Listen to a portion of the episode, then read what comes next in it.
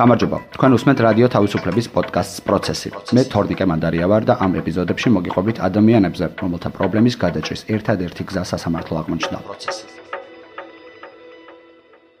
დღევანდელ ეპიზოდში ბათუმის ახალი მეჩეთი, შენებლობის ნებართვის მოლოდინში.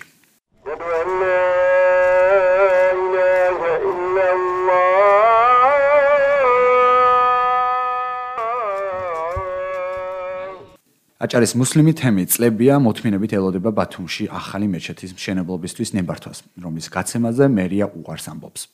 წვიმასა თუ თოლში ღიაცის ქვეშ ლოცვა მუსლიმებისთვის არაა უბრალოდ საკუთარი რელიგიურობის გამოხატვა, არამედ ბრძოლა აღიარებისთვისა და თანაბარი უფლებებისთვის. სასამართლოს ორმა ინსტანციამ დაადასტურა, რომ ბათუმის მერიის უარი მეჩეთის მშენებლობის ნებართვაზე დისკრიმინაციულია, თუმცა შვიდწლიანი დავის შემდეგ პროცესი კვლავ სამართლებრივ ჩიხშია.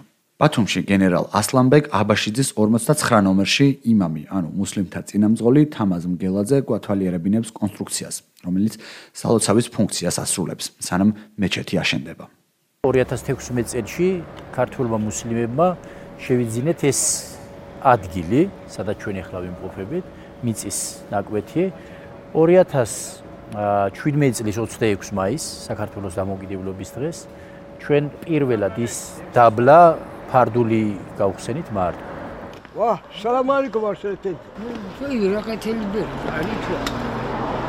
იმის შემდეგ, როცა რაღაცა ავდარი იყო და წვიმდა, დავხურეთ ზემოდან ის ფარდული ისევ ლოცულობდით. როცა დაზამთრდა და აცივდა, იმის შემდეგ გარედან ის შევფუთეთ.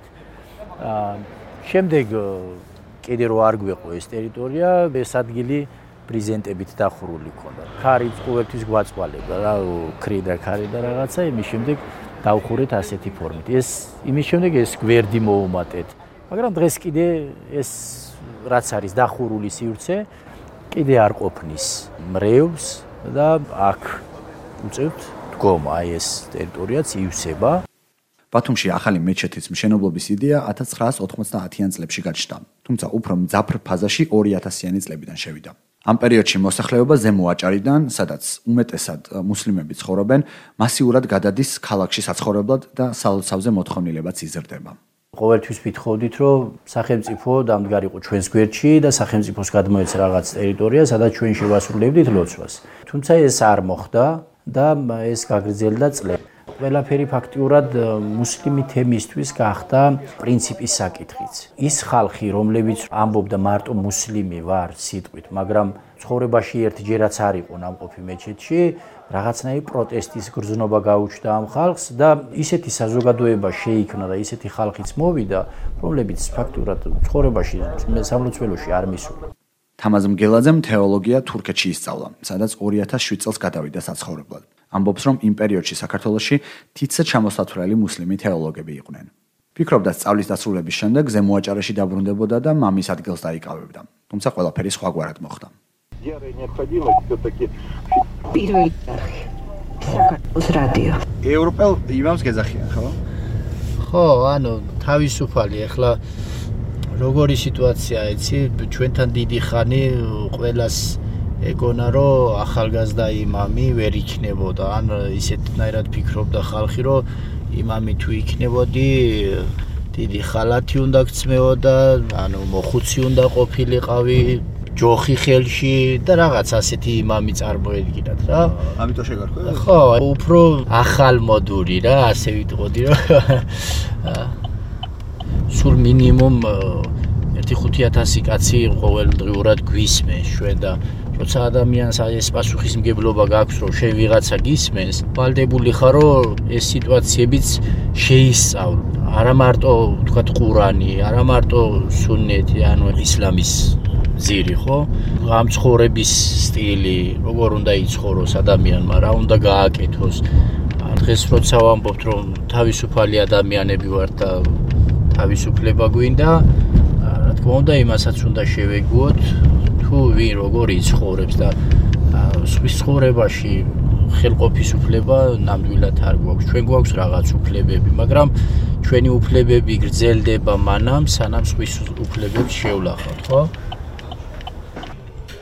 თამაზი ერთ-ერთია 18 კაციანი საინიციატივო ჯგუფიდან, რომელიც მეჩეთის მშენებლობას სათავეში ჩაუდგა. თავიდანვე გაცხადებული მიზანი იყო მეჩეთი კანონიერად ოფიციალური ნებართვით აეშენებინათ. საინიციატივო ჯგუფის წევრი ნოდარ პაქსაძე ამბობს, რომ სალოცავისთვის მიწა მუსლიმმა მრევლმა ერთ წელიწადში შეიძინა. ანგარიშის ნომერი გვაქვს მითითებული და საზღვარგარეთიდან თურქეთიდან და სხვადასხვა ქვეყნებიდან თუ გინდ მუსლიმი ქვეყნებიდან ჩვენ შემოწირულობა არ გვაქვს. არც ერთი თეთრი. მაქსიმუმი თანხა 1000 დოლარის ევრო აქვს პიროვნება შემოტანილი და დაფიქსირებული ესე. მინიმალური 1 ლარი. ასე კეთდება შემოსავლება. დეკლარირება კეთდება ფინანსთა სამინისტროში და ეს ყველა მონაცემი ჩვენ გვაქვს საინფორმაციო დაფა ყველა წლის შემოსავალი და გასავალი აღირიცხება და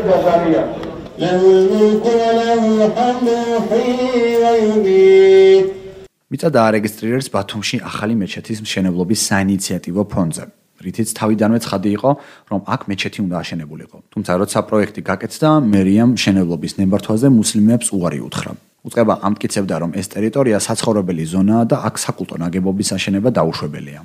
გვერდზე არის სტადიონი და ხმაური და ხელსარუშლის მოსახლეობას, გვერდზე არის რვა სარებლობის ეკლესია და ხელსარუშლის და მეჩეთი ხელსუშლის. ეს არის არანაირი მტკიცებულება არ არსებობს იმისა, რომ მერიამ წარმოადგენს რატომ არ უნდა აშენდეს. საინიციატივო ჯგუფმა არასამთავრობო ორგანიზაციებს მიმართა დახმარებისთვის. თამთა მიქელაძე, სოციალური სამართლიანობის ცენტრის ხელმძღვანელი, ამბობს, რომ მთელი ეს პროცესი ქართული მუსლიმი მრევლისთვის უფრო მეტია, ვიდრე უბრალოდ სამლოცველოს შენობის ქონა. ეს არის ქართული მუსლიმი თემის თვის გამათავისუფლებელი პროცესი, სადაც ისინი ბრძოლობენ საკუთარი ღირსების და მოქალაქეობის აღიარებისთვის. საკუთარი ღირსების სწორედ იმ ჩარჩოში, რომ ისინი არიან ქართული მუსლიმები და მათ თანასწორი უფლებები ეკუთვნით ბოლო პერიოდში განსაკუთრებით ახალგაზრდები ქორწინდები ან შერეული ქორწინება დაიწყო. რამდენადაც რელიგიურად არ უნდა იყოს შეზღუდვები და აკრძალული, ხო? მაინც ხდება ეს და ვხედავ ჩვენ ამას. რელიგიურად რამდენადაც არასწორი არ უნდა იყოს, თქვა ქრისტიანის და მუსლიმის ერთ ადგილას დასაფლავება, მაინც ვხედავთ რომ ეს ჩვენ გვაქვს. რეალურად ყველაფერში ჩვენ შეხმატკბილებული ვცხოვრობთ აჭარის ტერიტორიაზე. ბათუმში, როგორც აჭარის ცენტრში, ახალი მეჩეთის მშენებლობა ნიშნავს, რომ ისლამი ცოცხალია. მუსლიმები არსებობენ, ისინი ინარჩუნებენ საკუთარ იდენტობას და ამის აღიარება არც პოლიტიკურ ელიტას და არც სხვა ტიპის ელიტებს არ სურდათ. ბათუმის მერიის უარი სასამართლოში გაასაჩივრეს. პირველი არგუმენტი, რა თქმა უნდა, ეს იყო უკანონობის არგუმენტი.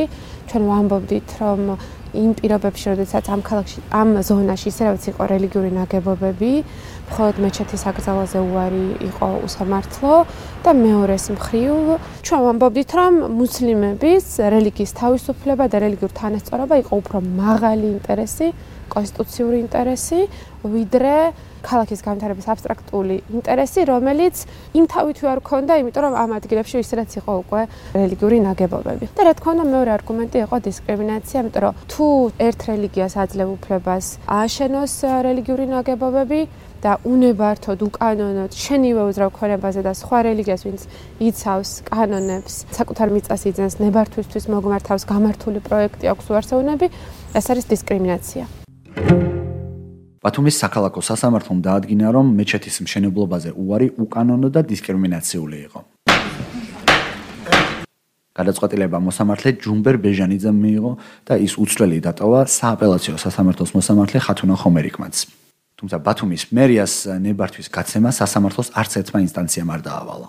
რა თქმა უნდა, ეს იყო ძალიან დიდი სიხარული პირველ რიგში მუსლიმი თემისთვის, რომელიც ხედავდა, რომ მათმა გრძელვადიანმა მოთმინებაზე დაფუძნებულმა ბრძოლამ და შრომამ შედეგი გამოიღო. შესამაცია გააგრძელდა მათ შორის აპელაციო სასამართლოშიც, თუმცა ამ ბოლო თვეებში ნახეთ გარკვეული შემოbrunება, როცა უზენაესმა სასამართლომ ძალიან დაუსაბუთებელი შეფასებები გააკეთა. სიხარული დიდხანს არ გაგრძელდა. უზენაესმა სასამართლომ მუსლიმთა დისკრიმინაცია ვერ დაინახა და სააპელაციოს დაავალა ხელახლა განიხილოს საქმე. პარასკეობით ლოცვებზე 5000-მდე ბრეული ყავს ჩვენ. ყველა პირობა არის იმისათვის, რომ ეს ლოცვები შესრულდეს. და თუ გავაკეთებთ უკეთეს მეჩეთს, იქნება არქიტექტურულად და ესთეტიკურად ლამაზი, მაგრამ იმისათვის რომ ჩვენ ავაშენოთ დემოკრატიული ქვეყანა, იმისათვის რომ ჩვენს ქვეყანაში იყოს თავისუფლება, იმისათვის რომ ურთიერთობა საზოგადოების მიერ და სხვა რელიგიებთან მიმართებითაც ვიყოთ თავისუფალი, ამისათვის ვიბძივ ჩვენ, რომ აშენდეს ტოლერანტული ქვეყანა და მოგვეცეს ნებართვა. ნებართვის გარეშე მუსლიმ რევს თუ გინდ გავიდეს ერთი საუკუნე ჩვენ არ მოუწოდებთ და მოითმენთ, რომ ძალადობრივი მეთოდებით ეს საქმე არ გავაკეთოთ. იმდენ სხვანაირად დემოკრატია ჩვენ ქვეყანაში არ აშენდება. ამისათვის ქვია ჩვენს მეჩეთს თავისუფლების მეჩეთი და ჯგუფ საინიციატივო ჯგუფი. ეს სხვაობაა ჩვენ და სამართო სამართლოს შორის. ის ემორჩილება სახელმწიფოს და რელიგიის სააგენტოს ჩვენ ემორჩილებით საზოგადოებას და თავისუფალ აზროვნებას. ხდება ისეთი რაღაცა, რომ თითქოს ვიღაცა ჩვენ ამას გვეუბნება, რომ ეცით რა თქვენ მუსლიმები რადგან ხართ საშარი ხალხი ხართ შეიძლება თქვენ ერთ დღეს ვიღალატოთ თითქოს ეს ხდება მაგრამ მე ვფიქრობ ამ ბოლო პერიოდში საზოგადოება გათვითცნობიერდა წლების წინ როცა ჩვენ ადამიანებთან საერთოდ ურთიერთობა არ იყო და თათრებს გვეძახდნენ ან მაგალითად ტერორისტებს გვეძახდნენ მე ვფიქრობ დღეს ეს პრობლემა მოგვარებულია იმიტომ რომ ჩვენ თვითონ ახლა როგორც სასულიერო პირები ასევე ყველა მუსლიმი გათვითცნობიერდა და როგორც ჩვენ ის საზოგადოებაც გათვითცნობიერებულია უკვე დაგვინახა ჩვენ და რეალური სახე იცის რომ ჩვენ არც თათარი ვართ არც თურქი ვართ ანუ ჩვენ ვართ ქართველი მუსლიმი და ჩვენ გვინდა სამლოს დაბადებულ ბაღანას რო პუცოდველი გიგიყვანონა ქედან ყველიდან ყეზიდან ცეცხლიდან ქარიდან წყალიდან გამჩომაღმერთმა დაგბუროს ხელი. ალლაჰ რაზიოცუნ ალლაჰ ყაბულიცუნ. დავეხმარო ჩემაღეთ ახალი ჯამეს აბულ იქნას გამჩომაღმერთმა თქვენი ნალოცი ნაკითხი შვიდობით გარონიონ ბელა ყეზა ავატყოფი ავატყოფობა გაშორბოთ